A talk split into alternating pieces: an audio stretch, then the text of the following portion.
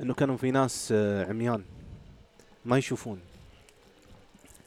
القصة حقيقية مو حقيقية بس شوف الأثر اللي صار فيها. شو الأثر اللي اللي خلى الناس الصدى اللي سوته هذه القصة. لما قلت لهم إنه كم أسبوع هم يتكلمون عنها. زين؟ إن كانوا مجموعة ما يشوفون. في مدينة ما يشوفون فيها. ما يعني عميان ما يشوفون. وكان ممنوع عليهم إنهم ينتقلون يعني يعدون حدود المدينة هذه اللي هم فيها. فجو مجموعة من الشبان كانوا يبون يغامرون كذا وغامروا وطلعوا من المدينة وراحوا مدينة ثانية. ولما راحوا المدينة الثانية بدوا يشوفون.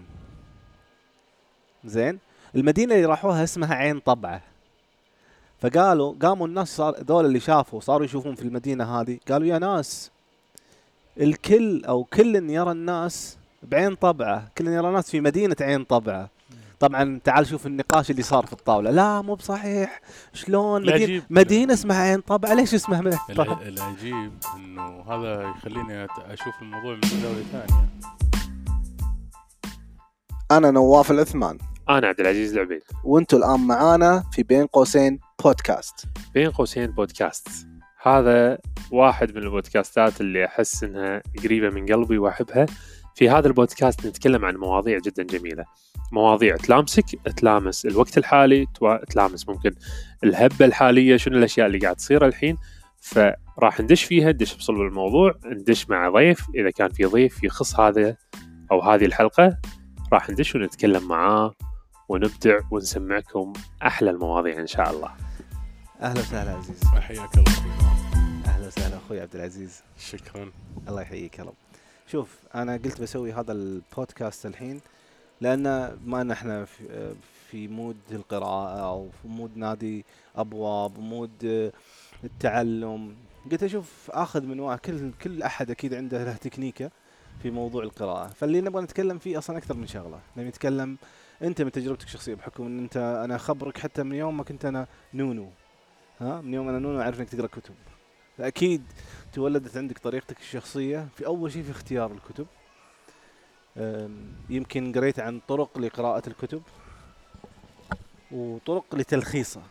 فإحنا بنتكلم عن ثلاث محاور مهمة اللي هي اختيار الكتب وطرق لقراءتها وطرق لتلخيصها. طبعا أنا ما أدري إذا بنجح في مسألة آه، هذه الحالة التنظيمية يعني. اي إنه ما هي الطرق الأنسب و...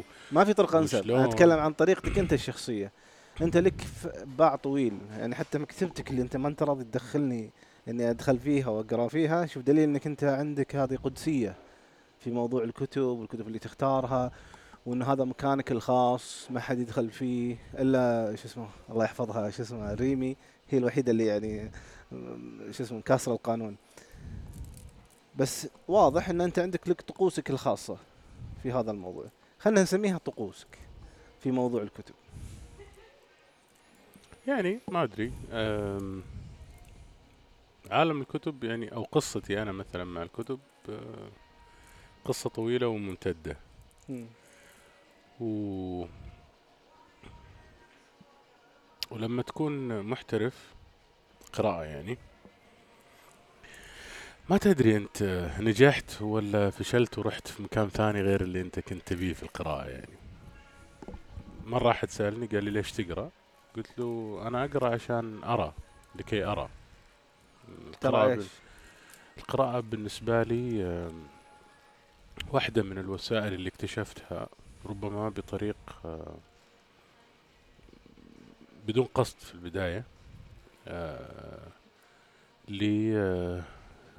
للتعرف على العالم من حولي. يعني لي إنك تعيش عشان قصة. أفهم. عشان أفهم. يصير عندك تجربة. آه، ممكن مو يعني راح أقول آه، في شغلة غريبة في القراءة. في مرحلة من المراحل تحول القراءة كنوع من أنواع الصدى لحياتك من جهة أو مراية تشوف فيها تجاربك وبالتالي تساعدك على الانتقال من مرحلة لمرحلة تتشافى من حالات آه، تكون صداقات في داخل الكتب. قد يظن بعض الناس إنه الاحتراف القراءة يعني إنه الشخص ممكن يكون إنسان منعزل وهذا في شيء منه صحيح لكن الشيء أيضا اللي أيضا واحد من المآزق اللي في حياتي إني أنا إنسان عنده هذا الجانبين يعني جانب ال- فترة ال- انعزال فترة انعزال واجتماع مع الناس. والأشخاص والصداقات والرحلات والتجارب والكذا آه... في تفاصيل كثيرة في ال... في ال... في القراءة. طيب أنا خليني أسألك يعني. كذا عشان ناخذ الدايركشن في في ال- في الموضوع هذا. أنت شلون تختار كتبك؟ كتبك اللي أنت تختار. الحين الكتب اللي أنت صافها اللستة. حلو. اللستة اللي أنت حاطها لنفسك. اللستة اللي حاطها لنفسك الحين موجودة. وخلينا نقول قررت ان ست شهور ولا السنة اللي جاية اللي قدام هذه كلها بتقرأ فيها. هذا يرجعني على أساس لسؤال اخترت. آه، ليش كيف قريت و... وليش قريت؟ اولا في البداية جلست سنوات طويلة أنا قارئ آه، حر. يعني يعني إيش قارئ حر؟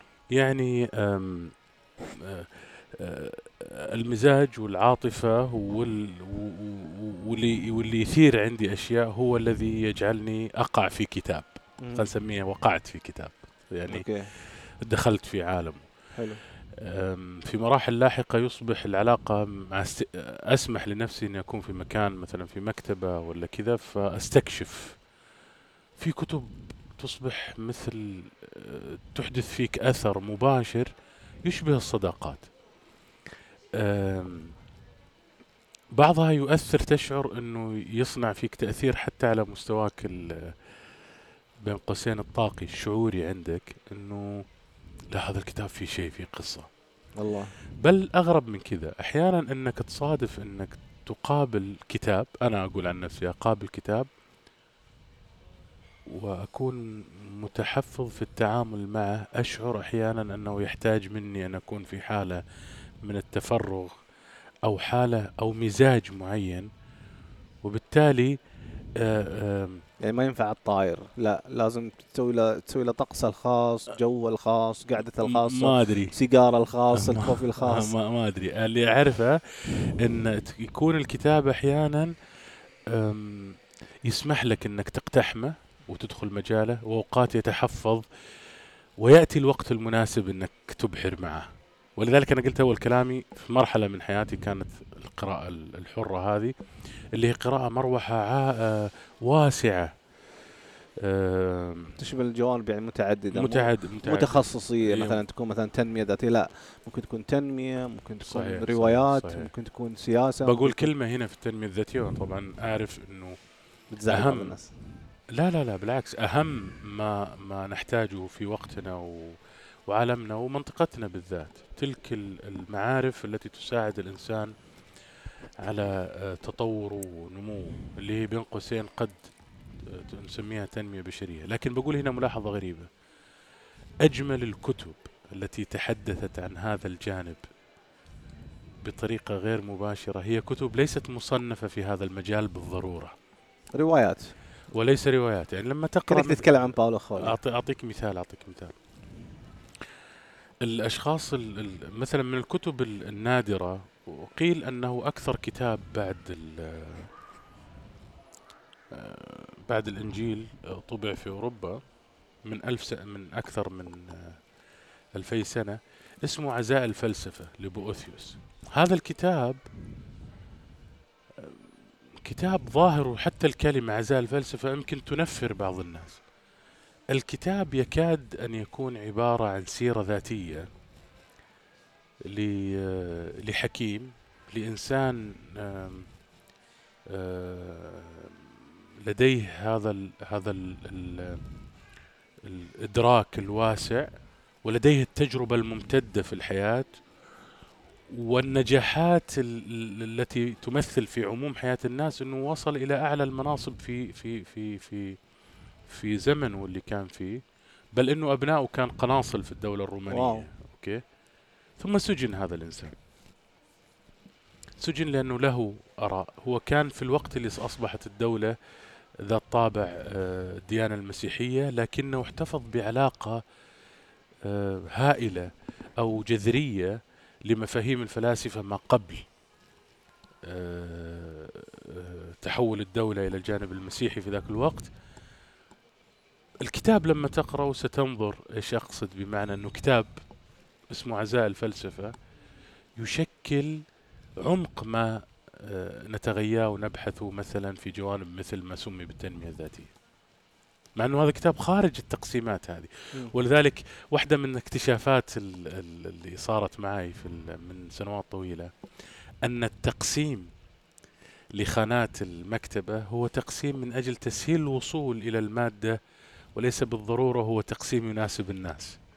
مم. يعني أحيانا كانت مكتبتي ما أحب إنها تكون مقسمة بهالطريقة تق- تقسم بمنطق آخر الكتب الأقرب إلى نفسي الكتب ال... قد تجد الكتب اللي أقرأ لنفسي كتاب مثل كتاب آه الإمام الشافعي مثلا كتاب آه الرسالة بجانبه كتاب كان لي مثلا آه مثلا. سبينوزا مثلا مم. ما له علاقة يعني مرة ثانية أنا أتكلم عن فترة م، قد تكون سابقة من هذه القراءة ال- الواسعة وهي التي آه، قدرت أني أسويها لاجتماع عدة عوامل الحقيقة عوامل آه، آه، نمط عيش معين طريقة تفكير معينة انتقالي من مكان إلى مكان من بلد إلى بلد في وقت من الأوقات. كل هذه العوامل ربما سهلت رحلة طويلة ممتدة قد تكون امتدت. لأكثر من هذا هذا يخليني أسألك سؤال مرة مهم. أنت عشت فترة هنا بالسعودية بعدين عشت فترة طويلة في لبنان بعدين رجعت هنا السعودية. هل كانت زي ما قلت إنك لما لما انتقلت من مكان لمكان تغيرت نوعية وطبيعة الكتب اللي قاعد تقراها؟ ما في شك إنه يصير نوع من ال من الاستجابة لل لل لل للذبذبة السائدة في مكان ما. أيضا حتى المتاح في المكتبات. مم. يعني المتاح في المكتبات في اللي قدام عينك يعني أنت تدخل المكتبة ب- لأنك ت... بالضبط. أنت ت... عندك هذه التجربة إنك تدخل المكتبة وبدون سبب معين صح؟ إنك بس بتشوف الكتب اللي موجودة. مم. في المراحل تلك أنا أدخل المكتبة مثل لما أحد يروح الحديقة أو يبغى يروح آه، يتسوق. أم، هو طقس أو, أو ما أحب كلمة طقس أصلا بس هو عادة آه، ممتعة نوع من ال ال ال هوم. من, من ال أوكي حلوة هذه. يعني تشعر إنك رجعت في في في حضن ما. وأيضا هو نوع من الاستكشاف والتحدي. بجيب هنا شغلة هناك كتب متحدية لك كإنسان. إما متحدية لك مستواك الفكري وقناعاتك وكذا أو متحدية لما تطرحه من أفكار أو متحدية لأنها آه توريك قديش آه أنت ما بذلت المستوى الكافي لتصل إلى هذه المعاني. آه الكتب أفق وأبواب وسراديب وطبعا بالمناسبة راح أقول شغلة دائما أنا لست مع ما راح أقول إني ضد بس لست مع تحويل الكتابة إلى إلى غاية. الكتاب عفوا إلى غاية. الكتاب طول عمره بالنسبة لي كان على كثرة اهتمامي به وحبي له. وهو هو وسيلة. وأصبحت في الفترات الأخيرة أخشى من تحول الكتاب كما أشوف كما يروج له مرة ثانية هذا لغير هذا الكلام للمحترفين وليس لغير المحترفين يعني. يعني آه، للناس اللي متعمقين جدا في اي موضوع الكتب. اي يعني مش أنا understand أبغى أبغى وجهة نظرك بس في الموضوع. اي أنا يعني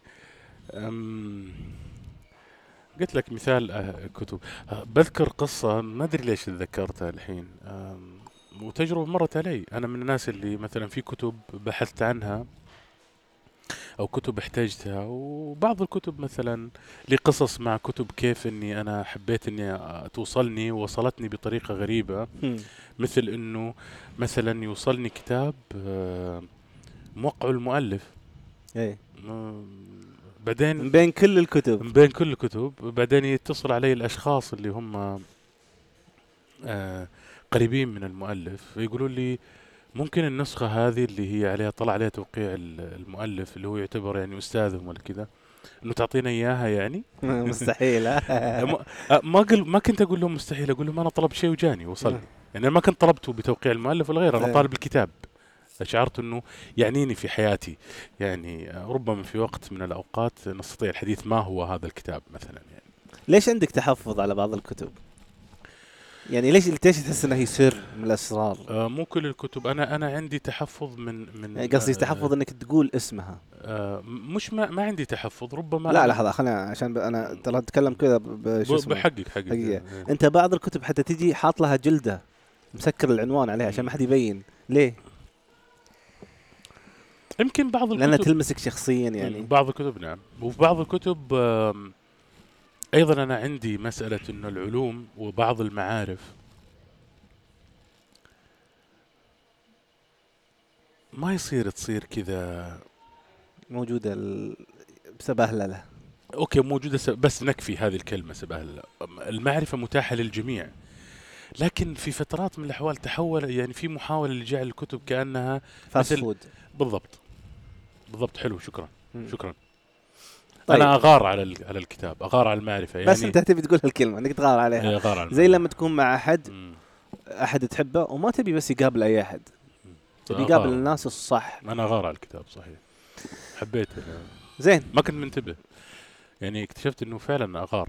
أغار على معرفة أيضا. يعني المعارف أعتقد إنه المعارف هي شكل من أشكال إدراكنا لوجودنا. وشكل المعرفة بقول كلمة المعرفة فعل قدسي يعني إيش القدس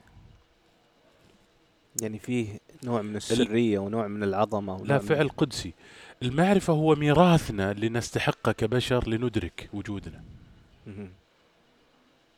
والمعرفه هذه تجي من الكتب ولا الكتب مجرد بوابة المعنى؟ بوابة لا لا المعرفة الكنز لن تجده في الخريطة يا سيدي صح مع التجربة مم. مع النزول للأرض مع ال...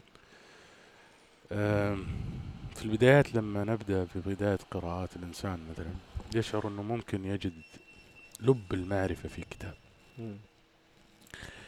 لكنك بعدين تكتشف أنه الجملة في كتاب والفصل في كتاب وال... والحكاية في مكان هي إشارة إلى شيء آخر. كل ما انفتحت لهذه الإشارة وتبعتها أنت ستخرج من عالم الكتاب إلى عالم ال- إلى إلى الحياة. مو الكتاب إلى الحياة. تصبح الحياة بالنسبة لك هي ال- هي, ال- هي القصة. الله. ومن هنا على المحترف أن ينتبه من ظاهرة استبدال الكتاب بالحياة. دائما لازم تكون أنت حي وتجعل الكتاب داعم للحياة وليست غاية مثل ما قلت في بداية الكلام. قد يختلف معي ناس كثير بس هذه طريقتي الخاصة في مقولة تقول إذا جيت تدخل الغابة تأكد إن الخريطه معك فالثنتين لازم تكون موجودة أول شيء. لازم يكون عندك الرغبة في إنك تدخل الغابة. وتجرب. بس في نفس الوقت لازم يكون عندك الخريطة اللي تساعدك إنك أنت تسري أو تدخل في هذه الغابة وتت... وتت- وتتمشى فيها وتطلع لين تطلع المكان اللي أنت تطلع تجمع. شرطين هنا في الغالب ليسوا موجودين في الحياة شلون؟ ان إحنا نبغى نتحرك مع وجود ضمانات. الحياة أكبر من كذا بكثير. نعم في بعض الأشياء صحيح ممكن. لكن في الغالب في الغالب إحنا دائما نعيد اكتشاف العجلة. مم. نحاول أن لا نفعل ذلك. نحاول أن إحنا ما دائما نعيد ونكتشف. بس أنت كل مرة أم، تدخل في مستوى من المشاعر والتفكير. يعني آه، في في في مستوى عقلي معين أنت في كل مرة تعيد استكشاف الآليات والوسائل المرتبطة بهذا المستوى العقلي واللي تناسبك أنت واللي تناسبك أنت. طيب الحين خلينا نرجع شوي عزيز. إحنا أدري إن الكتب بحر وكأنك تقول شعر فيها و... وشلون أنت تعيد اكتشاف نفسك فيها وت... وتكتشفها هي وتكتشف معلومة وتكون بوابة المعلومات أخرى بس خلنا بعد أنا أحب أخلي الموضوع عملي شوي. خذ راحتك. زين؟ لأن الفكرة من هذا البودكاست إن الناس تستفيد. أدري إن الشاعرية هذه مهمة. تمام؟ لكن برضه بخليها عملية وتعرفني أنا. لازم أخليها تشك تشك تشك كذا 1 point نقطة نقطتين ثلاثة. أنت شلون تقرأ كتب؟ الحين لو جاك كتاب آه جديد عنوان جديد أنت أخذته الحين تقرأه. إيش طريقتك مع الكتب؟ مع قبل فكرة العنوان الجديد مم. اولا لحظة استكشافي للكتاب. إيه. داخل آه. المكتب الحين؟ وقابل شفت العنوان مثلا ربما يبهرني العنوان. أحيانا شكل الكتاب أحيانا حجمه أحيانا الألوان اللي عليه. مم. أحيانا اسم المؤلف. أحيانا لا هذا ولا ذاك. هو لسبب ما. أنت تروح لهذا. يطيح لك الكتاب هي أنا أسميه الوقوع ما يسمون الوقوع في الحب طبعا مم. الانسان يحيا بالحب لكن كأنك تدخل في في في كهف خاص ما دام تقول مو عملي ما تبغى شاعري مع ذلك لكل كتاب صوته ويصلح نستخدم عبارة هالة مم. هالته اللي تخليك أنت تتعامل معه ولا تنفر منه نايس. طبعا أنا ما أبغى أحول الموضوع إلى إلى المزاجيه مطلق مرة ثانية هو فترة من حياتي نعم كانت القراءة بالنسبة لي هي آه، سباحة في كل الاتجاهات وقراءة على كل المستويات وهذه لها أسبابها مرة ثانية سواء قلت إنه مناسبة ولا مش مناسبة ما راح ينفع، في غيري بيعيد نفس التكرير بيكرر نفس و- بيجرب بيس- تجربته الخاصة بيصير تجربة يعني أنت. الحين مثلا خلنا لو قلنا إن أنت طريقتك من طريقتك في ال... في اكتشاف الكتاب هو لما تدخل المكتبة أحيانا من عنوانه أحيانا من لونه أحيانا من حجمه أحيانا من الكاتب إذا كان أنت متعرف عليه من قبل هذا الكاتب. في الغالب مش بسبب التسويق. يعني أنا مثلا لما يكون كتيب كتاب كثير الأفضل بسوق- مبيعاً. ولذلك أنا قلت لك قلت لك أنا ما أتكلم عن تسويق الكتب يعني الكتاب هو استكشاف هو منطقة كل كتاب هو منطقة منطقة عذراء يعني تستكشف استكشافا. نعم طبعا طبعا أيضا ما لن يقوم سوق الكتب ولا المجال هذا اللي مستمر وهو مجال عظيم من المجالات العظيمة للنشر ب- بطريقة عبد العزيز ومزاجه. صح. هذا أكيد يعني.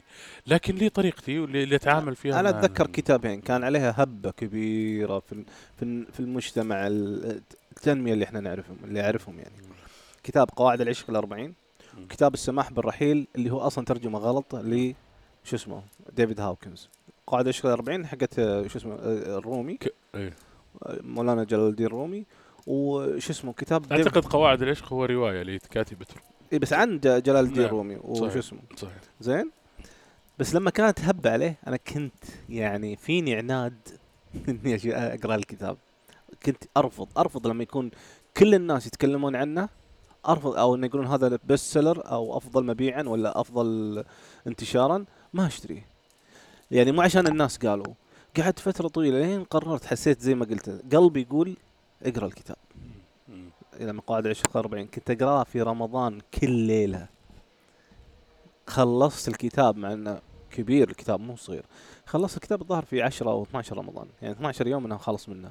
كنت أتشرب وشرب أتوقع لو كنت قريب في وقت ثاني كذا كان من باب الغصب ولا الناس كلهم يقولون عنه يمكن ما خلصته. لا أبشرك. آخرها لما خلصت الكتاب كان سعود وقتها يحبي ويجي يقطع الكتاب كله. كويس يعني أعطاك كتاب خلاص. أعطاني خلاص. بذكر تجربة على مسألة في سؤال يمكن غريب ما يعرفه بعض الناس. هل ال- القارئ يتخلص من كتبه؟ آه. هذه سؤال مهم. في مستوى من مستويات الاحتراف وفي مكان ما مر علي تجربة آم، بحيث أن كنت أنا أقرأ يعني أعداد كبيرة أو صفحات يعني كثيرة خلينا نقول. آه، فكان عبء علي أن أحتفظ بهذه الكتب. فكنت أستخدم طريقة غريبة بأنني المكان الذي أنهي فيه الكتاب كانت قراءة عبارة عن قراءة مرة ثانية استكشافية. وليحلل المحللون والنفسانيون ما يشاءون. ليش أنا أقول هذا الكلام؟ المهم. الكتاب المكان اللي أنهي فيه الكتاب أضع الكتاب وأمشي عنه خلاص. ياخذه يقرا لي ياخذ أي أحد. ياخذ أي أحد.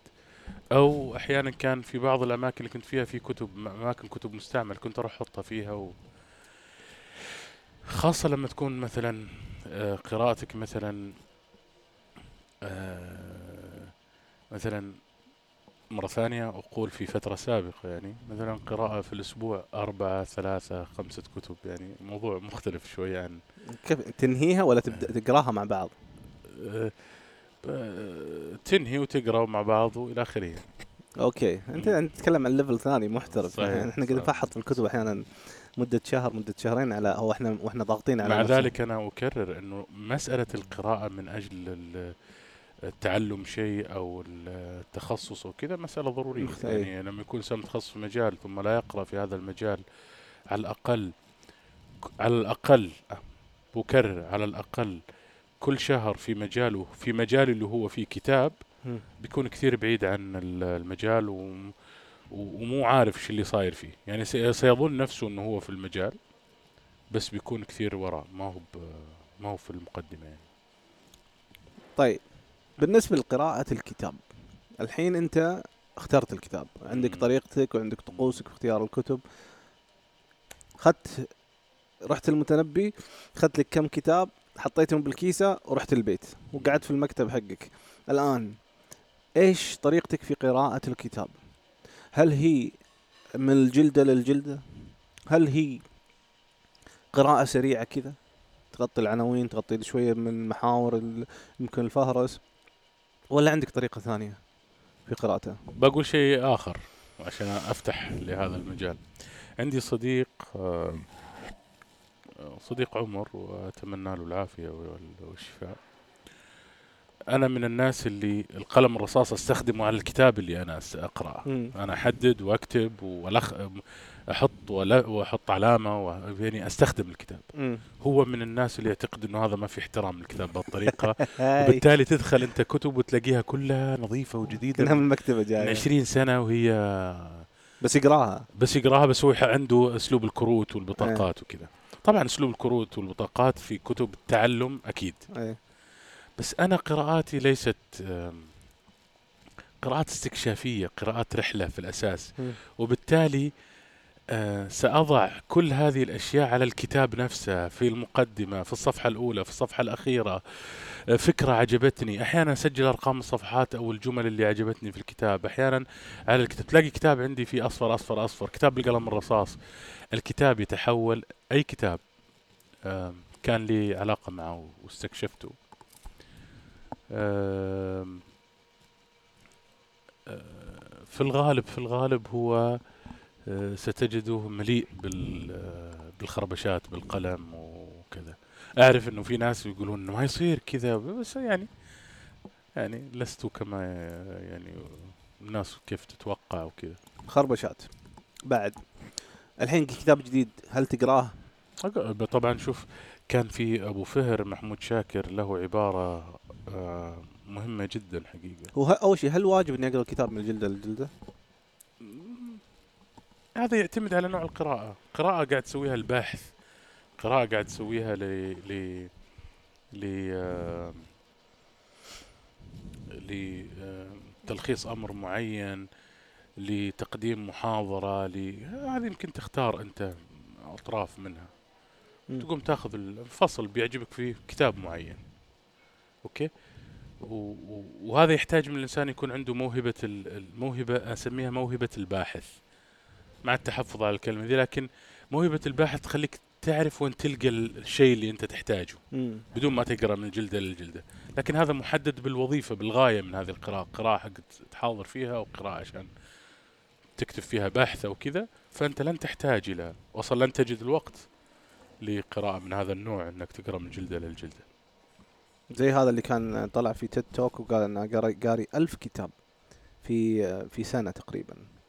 بس لما جاء وتكلم فعلا وش الألف كتاب اللي قرأها قال أنا ما اقرا أنت فكرة إن الكتاب اقراه من الجلد للجلد هذه ما أنا already دفعت حق الكاتب فلوسه فماني مضطر إني أقرأ الكتاب من الجلد للجلده خاصة كتب التنمية. هي كتب التنمية عادة تكون فيها ثلاث أربع صفحات. هي الزبدة زي كتاب مثلا فريدريك دودسون حق العوالم المتوازية. حتى هو بنفس الكتاب يقول ترى هذا هي زبدة الكتاب.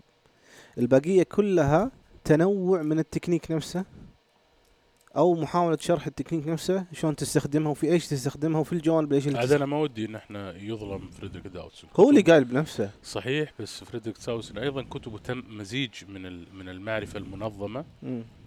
و آه، و- وأيضا مليئة بالتجارب ومليئة وغنية بال وبالأسلوب. بالروح وبالتالي هي أفهم اللي تقوله لما أتكلم في بداية الكتاب عن مسألة التقنيه اللي تستخدم لصناعة الواقع وقال إنك إذا أدركت أنت ما أنت محتاج بقية الكتاب فيما يتعلق بهذا. لكن عموم الكتاب واحد من طبعا من من من أجمل ربما آه، الكتب في مجاله اللي في في وقتنا يعني ليش قلت لي أنت قبل إنك هل جربت إنك تقرأ كتاب بالعكس؟ صحيح قصدك فيها؟ صحيح صحيح يعني هذه ليش أقرأ كتاب بالعكس يعني من من, من آخر صفحة لأول صفحة يعني تقرأ خلينا نقول من آخر فصل إلى أول فصل أي. راح تكتشف إنه أحيانا الأفكار تختلف تصير بالنسبة لك. راح تكتشف انه إنه في ظاهرة غريبة إنه المعرفة مثل البازل يعني ممكن ان أو المفاهيم ترتب بشكل تعطيك شعور وفكرة وتترتب بشكل تعطيك شيء. وأتعمد أذكر كلمة شعور وليست زلة لسان مم. شعور وفكرة وتترتب بطريقة أخرى تعطيك شيء ثاني. بس أنا مو هنا أقول لك أنت. على طاري مثلا إنك تقرأ من آخر الكتاب. اكتشفنا على كل الفصول اللي قريناها على كل ال aha moments على كل اللحظات اللي كانت واو بالنسبة لنا قريناها. آخر فصلين أو آخر ثلاث فصول اللي هو 14 و15 و16 كانت ال cherry on top شفت الفراولة لما تحطها فوق الكيكة؟ شفت لما يجيك أحلى شيء؟ أسميهم الحكوكه اللي تجيك بعد الرز اللي بعد ما أكلت رز ويجيك الحكوكة وطعمها لذيذ ودك إنها أنت ممتلي بس ودك إنك لو جاتك من البداية إنك تستمتع فيها مقرمشة وطعمها لذيذ ولا يجيك حلا أحلى ما يكون هي كانت الزبدة الكتاب الأقوياء والمحترفين. اللي يعطيك على high note يرفع يرفعك آخر الكتاب. هم يغزلون فكرتهم وتنمو معاهم من أول كلمة إلى آخر كلمة. من الصعب بمكان أنك تجتزئ كلامهم. امم مثال لما ذكرت مثلا نابليون مثال آه، بالنسبة لكتابه. كتابه يتكلم عن مفتاح له علاقة بكيفية تحقيق الإنسان للأهداف وارتباط ذلك مع منظومتنا الفكرية وتكوين الوجود من حولنا. وهو ذكر إنك أنت ربما تكتشف المفتاح في البداية وربما تحتاج فترة. أن تكتشفه. الحقيقة أنه هو كذا هو شيء يركب على بعضه يركب يركب يركب يركب إلين تأتي اللحظة وتحدث فيها عملية الفهم والإدراك. تنور في هذا الجزء في هذا الجانب. هذه اللحظة تحتاج إلى تتابع ولذلك من الخطورة بمكان التعامل مثل ما تفضلت مع قبل شوي ذكرت كلمة آه، الكتب مو fast food آه، صحيح في تصنيف يضحك زمان كنا نقوله في كتب ساندويتش وكتب. كذا وكذا. بس غالب المعرفة الحقيقية ليست هكذا. ودنا بس ما مو بكذا. مو كذا مو بكذا مو بكذا. يعني شوف أنا أنا أتكلم من ناحية عملية إنه وإحنا عارفين إن إحنا أمة لا تقرأ صراحة يعني. فنحتاج هذا يسمونه إن نعمل زي نحرك عجلة المعرفة هذه. أنا أتكلم كمدرب وك وأدري إن في ناس معاي وناس توهم بادين من البداية وناس في النص وناس محترفين. نحتاج نحرك هذه العجلة. فنبدأ بشيء كتب بسيطة. ممكن تتكلم عن معاني عميقة لكنها بسيطة هي وكتاب يعني ساند ساندويتش. تعطيك معاني كذا بسيطة وما ما تتعمق في المعاني. بس على الأقل دخيل الله أنت خلصت كتاب الحين. الحين الخطوة الجاية اللي بيجيك إنك تبي شيء أعمق. خلاص صار ال standard حقك ما ي- ال ال ال ال اللي هو standard حقك ما ترضى بأقل من كذا. فتبي أكثر من كذا. تبي شيء أعمق. تبي شيء فيه قصة. تبي شيء فيه رواية. نواف بقول لك شيء كثير مهم. إحنا يمكن في وقت صار المسألة إنه الإنسان آه، يبغى كل شيء ملخص وجاهز. وهذا على حساب حقيقة آه، إدراك وتجربته. بس آه، بقول كلمة أنا مسؤول عنها. غالب المعرفة اللي لها علاقة بدفع الإنسان إلى حالة من التغير والتطور. بين قوسين إحداث حالة النمو عنده. سيجدها في الكتب الكلاسيك يعني الروايات الكلاسيك المسرحيات الكلاسيكية القصص القديمة. ليش؟ لأنها هي تمثل كبسولات زمنية حملت معاني تنتقل من جيل إلى جيل. الله. أنت هذا اللي تحتاجه. وهي غالبا ستربطك بجاذبيتها أنك تتعود على قراءتها. تعود أنك تسولف فيها تعود أنك آه، تقولها. يعني أذكر آم، يمكن كان عمري تسع سنوات فوقعت على كتاب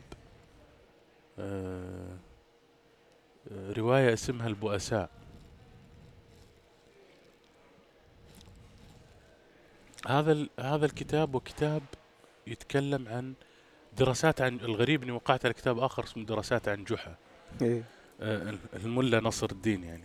وجحا اسمه الملا نصر الدين؟ طبعا هو قصة هذا الإنسان يعني. يعني حقيقة. هذا شيء شخصية يعني طبعا آه، علمت الناس من خلال الضحك. يعني. هذول يمكن أول كتابين في ذاكرتي آه، قابلتهم ككتب أقراها اثنين ذولي. فالظاهر هذا الكتاب أو كتاب البؤساء ما عاد تذكر الحين. وكتاب ثالث كان اسمه الحقيقة لغاندي. هم اللي لقيتهم قدامي. وين ومتى ما أدري. مم. بس أنا يمكن في تسع عشر سنوات يمكن أكثر شوي. فأقول لأمي أقول لها يما ترى ماني فاهم. قالت لي اقرأ راح تفهم. استمر انت في عملية القراءة. من من ذاك الثلاثي من الكتب انطلق مزاج قراءاتي. آه، البؤساء كرواية لفيكتور هوغو. آه، كتاب الحقيقة لغاندي. كتاب آم، كتاب آه، اللي ذكرته قبل شوي. آه، آه، كل هذه مثلت آه، المجالات اللي رحت فيها في البدايات يعني ذكرتني. على طاري شلون الناس ال- القصة تأسرك مو بس تأسرك ممكن تتناقلها الناس ممكن الناس تضحك عليها ممكن الناس تقولها ممكن الناس تعترض عليها ممكن الناس السر ينتقل فيها قلت ذاك اليوم أنا قاعد على الغداء مع إخواني. إخواني ظهر أنت ما أدري إذا كنت موجود ولا لا. إخواني وأمي وقاعدين أقول لهم تعرفون إيش قصة كل يرى الناس بعين طبعه؟ قالوا معروفه إن كل يرى الناس بعين طبعه يعني. يشوفها بال قلت لا بس تعرفون شلون وين جات القصة هذه. إنه كانوا في ناس آه، عميان ما يشوفون. هن القصة حقيقية مو حقيقية بس شوف الأثر اللي صار فيها. شو الأثر اللي اللي خلى الناس الصدى اللي سوته هذه القصة لما قلت لهم إنه كم أسبوع هم يتكلمون عنها. زين؟ إن كانوا مجموعة ما يشوفون. في مدينة ما يشوفون فيها. ما يعني عميان ما يشوفون. وكان ممنوع عليهم إنهم ينتقلون يعني يعدون حدود المدينة هذه اللي هم فيها. فجو مجموعة من الشبان كانوا يبون يغامرون كذا وغامروا. وطلعوا من المدينة وراحوا مدينة ثانية. ولما راحوا المدينة الثانية بدوا يشوفون. زين؟ المدينة اللي راحوها اسمها عين طبعة. فقالوا قاموا الناس صار ذول اللي شافوا صاروا يشوفون في المدينة هذه. قالوا يا ناس الكل أو كل يرى الناس بعين طبعة. كل يرى الناس في مدينة عين طبعة. طبعا تعال شوف النقاش اللي صار في الطاولة. لا مو بصحيح. شلون؟ مدينه مدينة اسمها عين طبعة. ليش اسمها عين العجيب إنه هذا يخليني أشوف الموضوع من زاوية ثانية. هذه القصة دائما هي قصتنا إحنا البشر. هناك حد مفروض وهناك واجب لاختراق هذا الحد. اليوم مثال هناك ظاهرة لتعميم الجهل واستخدامه. في شيء أنا أسميه هندسة الجهل. يتم تجهيلنا كبشر. التلاعب بمعلوماتنا. التلاعب بمفاهيمنا التلاعب بإدراكاتنا التلاعب بالمعلومات اللي نع- نعرفها في الجانب ال- في جوانب كثيرة وليس الشيء اللي صار في حياتنا خلال السنتين الماضية ببعيد عن فكرة وجود من يتلاعب بطريقة أو بأخرى في الحقيقة مع وجود الحقيقة يعني ما في شك أن هناك حقيقة. لكن يتم تلاعب لأهداف مختلفة أهداف آه، استثمارية أهداف اقتصادية أهداف تحكم يعني أهداف طويلة عريضة يعني. فدائما هناك خط مفروض. أنا بدأت في في السنوات الأخيرة أدرك بالمعنى العميق أن المعرفة البشرية يتم وضع خط يمنع عليها أن تبلغ. والخط هذا له أسبابه أبسطها أبسطها المنظومات الاقتصادية هي لها سهم أساسي مم. في آه، يعني وضع هذا الخط لعدم تجاوز هذا الخط بمعرفة لكن علينا واجب إنه شو نت- أنت تذكر تذكر لما كنت أقول لك عزيز أيام الكتب اللي كنا مثلا ندرسها بالهذا أقول لك طيب يعني ليه ما قالوا الآراء الثانية مثلا كتب فقهية. يقول لك ليه مثلا قالوا ما قالوا الراي الثاني؟ الراي اللي يقول عادي يجوز مثلا. مثلا شيء حرام عند هذا ولا شيء مكروه عند هذا والثاني يقول لا عادي يجوز. طيب ليه ما اعطونا الراي الثاني تعرف إيش كنت تقول لي. أنت تحتاج تبحث بنفسك. طبعا. مو هم آه، آه، إذا مجموعة هم مؤمنين بأن هذا الشيء هو الصح وهم اللي ماسكين خلينا نقول آه، المنبر أو التعليم أو مش عارف هم ماسكين بيقولون رأيهم ما راح يقول رأي الثاني راح يقول رأيه هو اللي معتقد فيه إحنا نحتاج إن نعود أنفسنا إن نكون مخلصين للحقيقة ونطور الأدوات اللي نستكشف من خلالها الحقيقة. بعيد العبارة. مم. نحن نحتاج أن نكون مخلصين للحقيقة ومسؤولين بعد طبعا وأن نطور الأدوات التي نستكشف من خلالها الحقيقة غالب المعلومات العميقة جدا والتي ربما تشكل تعمل نقلة ثورية في حياة البشر هي متاحة فعلا على الإنترنت. متاحة فعلا. بس من يجمع ويقرأ ويركب ال ال الأشياء مع بعض؟ إدراكنا أيضا لمفهوم التلاعب ضروري لأن بيجنبنا كثير أن نقتنع بأفكار تاخذ منا سنوات بعدين نكتشف وهمها وزيفها. وهذا اللي قصدته بتطوير الأدوات اللي تساعدنا على استكشاف الحقيقة. أنا ثينك إنك لما تقول أدوات نحتاج تساعدنا إن نكتشف الحقيقة اللي هي أهم أداة وأنا أحس إن هي فادتني كثير جدا كثير جدا اللي هو صوت القلب. صوت القلب أو الحدس. أنت لو كان عندك أداة مثل أداة الحدس مهما كان في تشويش من برا وناس قاعد تعطيك تقول لك أنت هذا الصح ولا هذا الغلط ولا هذا الم... هذه المعلومة الصحيحة وهذه المعلومة الغلط لو كان عندك هذه الأداة اللي تستخدمها آه يعني الناس ما تعطيك مثال. موضوع الداوزنج ومش عارف إيش. الناس دائما ماخذينها إن أبغى أعرف عن فلان وأعرف الحقيقة لكن هو الحقيقة تستخدمها لنفسك. استخدمها لنفسك. لو قدرت تستخدم هذه الأداة مثل الداوزنج ولا الحدس ولا صوت القلب سمها اللي تسميها. استخدمتها في مثلا هذا الكتاب حقيقة. فيه من الحقيقة بالنسبة لي. كم نسبة الحقيقة فيه؟ أكثر من 50% هذا خل... مو معقولة بأخذ الكتاب نسبة الحقيقة فيه ث- 20% باقي يلا بقول سر. أنا أستكشف أستخدم الداوزنج في اختيار الكتاب اللي أخذه معي في أي رحلة أروح يا سلام. ليت كل الناس ليت كل الناس بس يعني يستخ... لو استخدموا آه، حدسهم والصوت الداخلي زي ما يستخدمونه في مثلا في الكتب أو حتى زي ما يستخدمون في الأحداث اللي تصير بحياتهم ويكتشفون. يعني لما تقعد مع أي أحد شخص بسيط جدا تقعد معه يقول لك أنا صوت القلب الحدس هذا يجيني بس ما أسمع أو إني أسمع على حسب. خلينا نكون يعني واضحين. تطوير ال أو ال- الأداة. الأدوات اللي تساعدنا على استكشاف الحقيقة لها علاقة منها التفكير النقدي طرح الأسئلة بطريقة جيدة.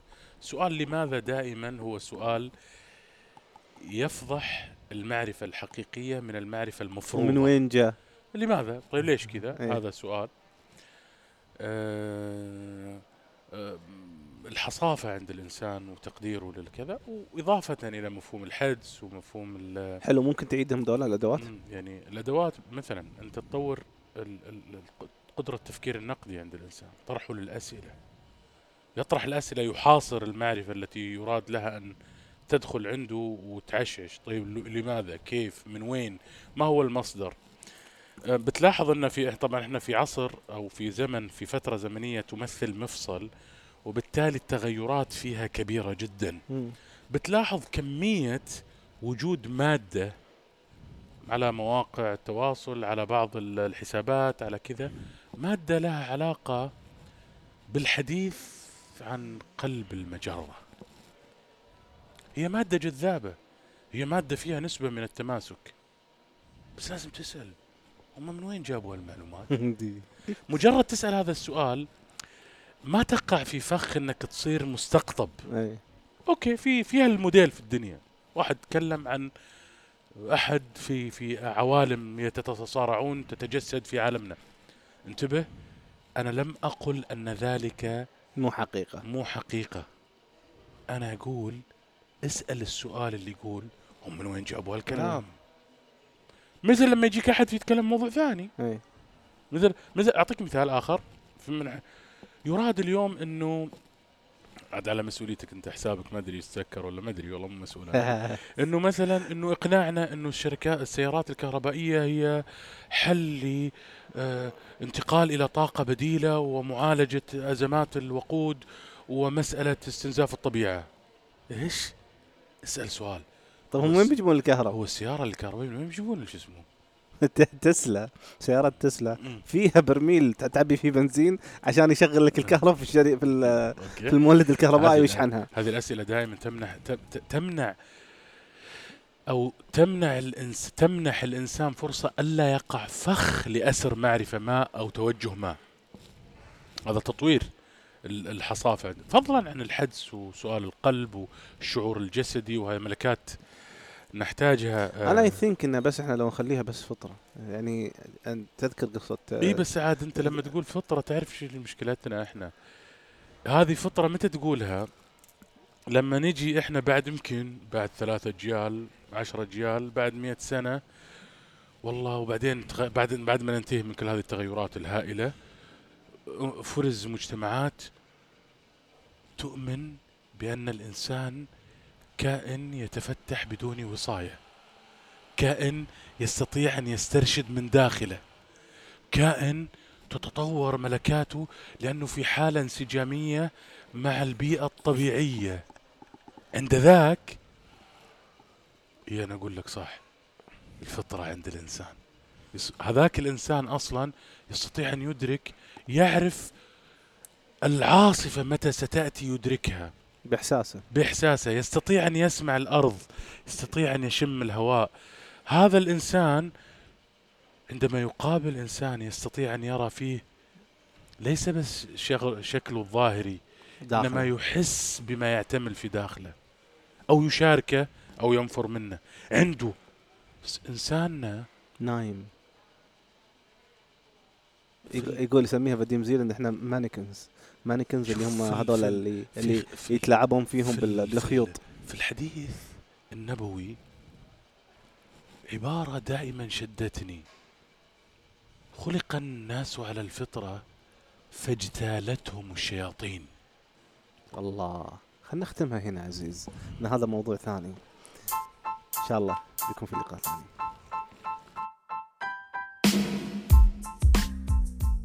كان معاكم عبد العزيز العبيد. وكان معكم نواف العثمان في بين قوسين وإذا كنت تحب تسمع باقي حلقاتنا تابعنا. أسهل شيء ممكن تسويه تدخل على الانستغرام تكتب بال search بين قوسين راح تلاقي ال account أو تكتبه بالإنجليزي B A I N Q O S A I N راح يدخلك. أو تكتب بين قوسين بالعربي. راح تلقى الرابط اللي موجود حق كل حلقاتنا. تسمع الحلقات تبي تعلق تبي تدعمنا. الدعم غالبا الدعم يكون من خلال مشاركتك ويانا. سواء كانت بلايك سواء كانت برتويت سواء كانت بنشر هذا البودكاست. يعطيكم العافية ونلقاكم على خير إن شاء الله. مع السلامة. على خير. مع السلامة.